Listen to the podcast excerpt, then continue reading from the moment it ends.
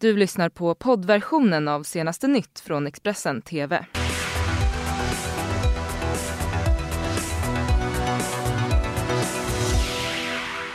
Våldsamt rån i Göteborg. Pojke fick örat avskuret när gäng på tio personer gick till attack. Greta har fixat resan till Madrid, seglar över Atlanten idag för FN-toppmötet. Och nu är det klart, Ukraina-förhören med Donald Trump kommer att tv-sändas. Men vi inleder i Stockholm strax efter midnatt. Eh, igår så fick polisen in eh, flera larm om höga smällar i Vårberg söder om Stockholm. Flera patruller skickades till den här platsen men man hittade inga tecken på skottlossning. Det här säger då Mikael Pettersson vid Stockholmspolisen. Och de kommer ju såklart att fortsätta titta närmare på detta men man hittade alltså ingenting på den aktuella platsen efter att flera hade larmat. Eh, vi går vidare. Nu är det klart att eh, Greta Thunberg hon kommer till klimattoppmötet i Madrid. Hon har nämligen fixat skjuts över Atlanten och hon seglar idag. Greta Thunberg har nu hittat en transport till klimatmötet i Madrid. Klimataktivisten skriver på Twitter att hon ska segla till den spanska huvudstaden tillsammans med två australiensiska youtubers. Hon tillägger att hon hoppas att hon hinner fram i tid till mötet som startar den 2 december. Greta Thunberg har sedan i slutet på sommaren befunnit sig i USA där hon fortsatt att klimatstrejka och träffat makthavare och andra klimataktivister. Men slutmålet för resan över Atlanten var just FNs klimattoppmöte COP 25 som skulle hållits i Chile. På grund av de omfattande protesterna i landet så flyttades hastigt mötet till Spanien istället och Greta Thunberg fick inse att hon åkt till fel sida Atlanten. Hon vädjade om hjälp med transport eftersom hon inte flyger. Och nu har alltså paret Elina Caruso och Riley Whitelum erbjudit Greta Thunberg och hennes pappa Svante Thunberg skjuts. Och avresan ska ske redan under onsdagen.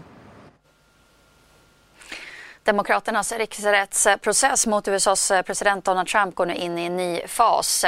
Förhören kommer nämligen att tv-sändas och tillåta allmänheten att följa utfrågningarna i direktsändning. Den här veckan så är det tre högt uppsatta tjänstemän och diplomater som kommer att höras. Men samtidigt så mobiliserar Republikanerna inför den offentliga kampen. Yet Democrats in Washington would rather pursue outrageous hoaxes and delusional witch hunts which are going absolutely nowhere. Don't worry about it.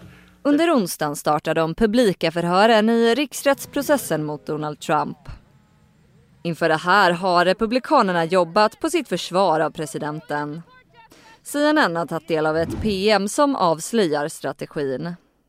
I dokumentet står det bland annat att det inte finns några bevis för att Donald Trump under det omtalade telefonsamtalet med Ukrainas president Volodymyr Zelensky ska ha pressat sin ukrainska kollega. Något som Trump själv upprepat otaliga gånger. Transkriberingen av telefonsamtalet visar dock hur Zelensky ber om bistånd och hur Trump svarar att han vill ha en tjänst. Under tisdagen meddelade Donald Trump att han i veckan även ska släppa utskriften från sitt första samtal med den ukrainska presidenten. Samtidigt så har det släppts fler utskrifter från de stängda förhören som hittills hållits i processen. Pentagonanställda Laura Cooper har bland annat vittnat om att amerikanska diplomater i Ukraina var bekymrade när det militära biståndet hölls tillbaka i flera månader under sommaren. Det är det tillbakahållna biståndet som tros vara Trumps maktmedel när han bad Ukrainas president att utreda Joe Bidens son. Under onsdagen kommer två förhör att hållas. Det är Bill Taylor som är en amerikansk toppdiplomat i Ukraina samt George Kent som är en högt uppsatt tjänsteman i utrikesdepartementet. På fredagen är det dags för Marie Jovanovic. Hon är en mångårig diplomat som Donald Trump sparkade som ambassadör i Ukraina tidigare i år efter vad hon kallar för en kampanj emot henne. Ryssland försökte påverka det amerikanska valet eh, och anordnade valmöten. Ja, det här sa den tidigare FN-ambassadören för USA, Nikki Haley, igår. Russia meddled in our elections, but the way they meddled was a cheap form of warfare. But they actually went on social media.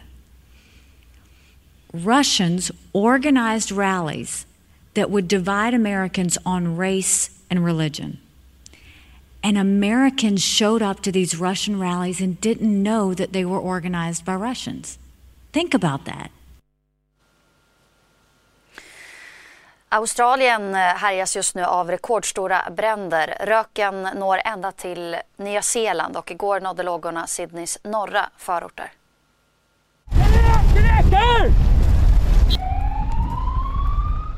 Kaotiska scener när brandmän och lokalbefolkning tillsammans kämpar mot eldinfernot. How quick did it come in? Well, I don't think a car would have beat it. They come that quick.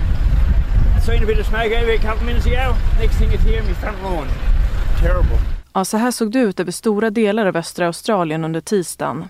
För första gången klassas situationen som katastrofal. Den högsta varningen på landets femgradiga skala. Och ett nationellt nödläge har utlysts. Runt 3 000 brandmän och 60 flygplan kämpar mot lågorna. Hundratals bränder härjar och nya uppstår i snabb takt. Hittills har över en miljon hektar brunnit. 200 hem har förstörts och minst fyra personer har mist livet.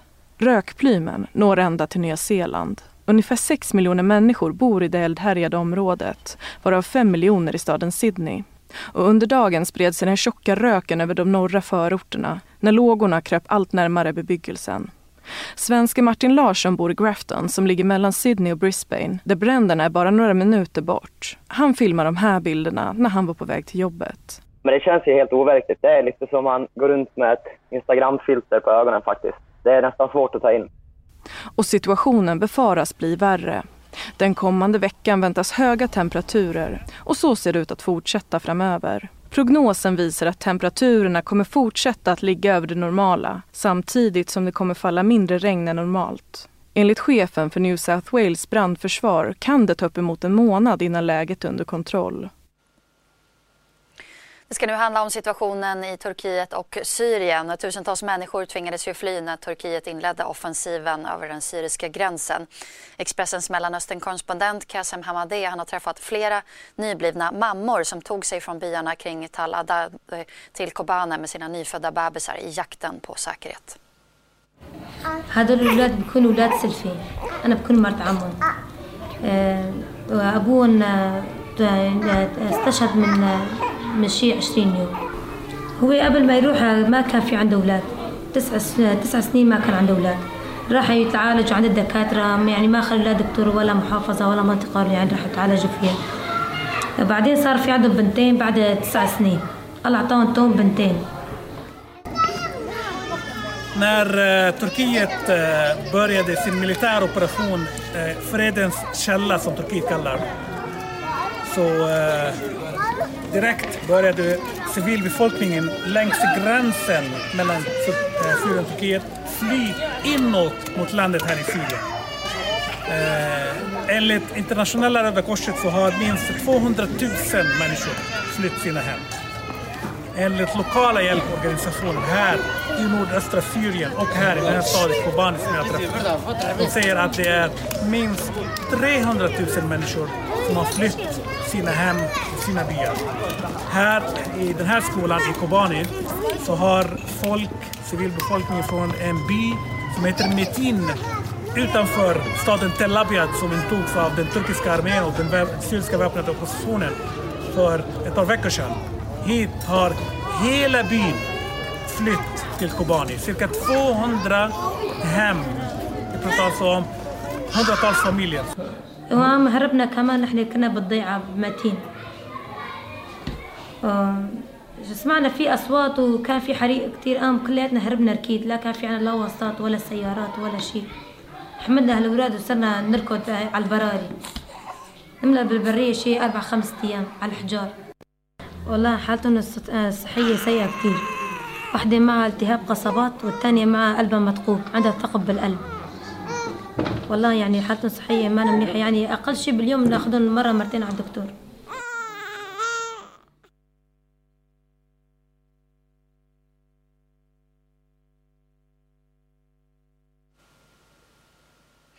Igår eh, blossade stridigheterna upp mellan Israel och Gaza efter att Israel dödat en ledare för terrorgruppen Islam, Islamiska Jihad i Gaza i en riktad attack.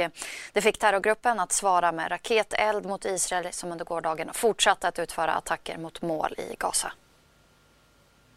Det var strax före gryningen på tisdagen som Israel dödade ledaren för den terroriststämplade palestinska gruppen Islamiska Jihad i Gaza, Baha Abu Alat och hans fru, i en raketattack. Och det var startskottet som fick striderna mellan Israel och Gaza att blossa upp på nytt. Enligt Israel planerade Alata att utföra attacker inom en snar framtid. Man pekade också ut honom som ansvarig för raketattacker som Israel har sett från Gaza den senaste tiden. Baha Abu Alatas grupp Islamiska Jihad svarade med raketattacker mot Israel under dagen. Därför beordrade israeliska armén att förskolor, skolor, affärer och företag i hela södra Israel, inklusive Tel Aviv, skulle hålla stängt. Det är första gången som man vidtar sådana åtgärder i Tel Aviv sedan Gazakriget 2014. Enligt flera medier så har minst tio palestinier dödats och ett 40-tal skadats under tisdagens attacker. En tonårspojke fick örat avskuret eh, igår kväll när han rånades av tio personer i Landala i Göteborg. Det var vid 23-tiden som ett gäng plötsligt attackerade 18-åringen i ett garage. Enligt polisens vakthavande befäl Mårten Gunneg så sticker den här händelsen ut som extra ful eftersom att pojken fick antingen hela örat eller delar av det avskuret. Polisen körde offret till sjukhus och avslutade insatsen på platsen vid fyra tiden nu på morgonen. Ingen person har gripits för det här dådet. I omkring tio år så har likadana röda villor stått uppradade på gärdsgården mellan tomterna i Segersäng utanför Nynäshamn. Då växte det nya samhället Segersäng by fram ur den här gamla orten. Här bor tre manshatare, Anja, Natasha och Feime som driver alla stora feministiska konton i sociala medier. De drömmer om att bo i ett kollektiv helt utan män. I Segersäng utanför Nynäshamn finns ett hundratal nästan identiska röda villor. Här har flera feminister bosatt sig och driver politisk opinion i sociala medier. De drömmer om att bo i kollektiv, helt utan män. Jag drömmer ju om en stor gård där bara kvinnor get. med en get, en hona. Ja. Och en, nej men alltså skämt åsido. Men, men där kvinnor kan vara välkomna med sina barn. Kanske främst vänner som man tycker om att leva ihop med. Men jag skulle också gärna se att det kom kvinnor som kanske behöver boende tillfälligt eller lite längre mm. tid. Alltså man har någon slags, inte kvinnojour, men att ha någon form av skyddat ja, boende där. Ja, hjälp. Ja. Någon, någon trygg plats. Precis. Mm. Natasha, Feimi och Anja jobbar alla hemifrån. De lever nära varandra och umgås nästan dagligen. Vid sidan av det driver de en blogg har tre podcaster och 130 000 följare på Instagram. Till dem skriver de feministiska texter och väcker uppmärksamhet. Och även om kvinnorna försöker hålla en låg profil i ett samhälle med 800 invånare brukar de ge feministiska råd till människor omkring sig. Det fina är väl att vi kan vara, liksom, att man har vänner som har samma värderingar kring och att vi har barn i ungefär samma åldrar också där vi kan dela erfarenheter, och tankar och känslor kring saker och funderingar som vi ställs inför i vårt föräldraskap men också i vår feminism. Det var för två år sedan som Segersäng höll på att förändras. Från 250 hushåll skulle man gå till 10 000 och bilda en helt ny stad. Enligt dåvarande S-ordförande i kommunstyrelsen Patrik Isestad skulle den bli en stad som bryter upp klassamhället och skillnaderna mellan kvinna och man. Planerna väckte dock kraftiga protester hos många av invånarna. Några månader efter att nyheten om den potentiella staden blossat upp föll planerna isär. Idag vill man fortfarande expandera orten, men i mycket mindre skala och på lång sikt. Men drömmen om ett kvinnokollektiv lever kvar. Folk säger att vi är hetsiga ihop. Jag tycker att vi är väldigt lugna. Mm. Förutom när ni börjar öppna munnen. Ja. Mm. Då. Mm. Fler nyheter hittar du på vår sajt. Du har lyssnat på poddversionen av senaste nytt från Expressen TV. Till förordnad ansvarig utgivare är Klas Granström. Ett poddtips från Podplay. I podden Något Kaiko garanterar östgötarna Brutti och jag, Davva, dig en stor dos skratt. Där följer jag pladask för köttätandet igen. Man är lite som en jävla vampyr. Man har fått lite blodsmak och då måste man ha mer. Udda spaningar, fängslande anekdoter och en och annan arg rant. Jag måste ha mitt kaffe på morgonen för annars är jag ingen trevlig människa. Då är du ingen trevlig människa, punkt. Något Kaiko, hör du på Podplay. Därför är gardinerna.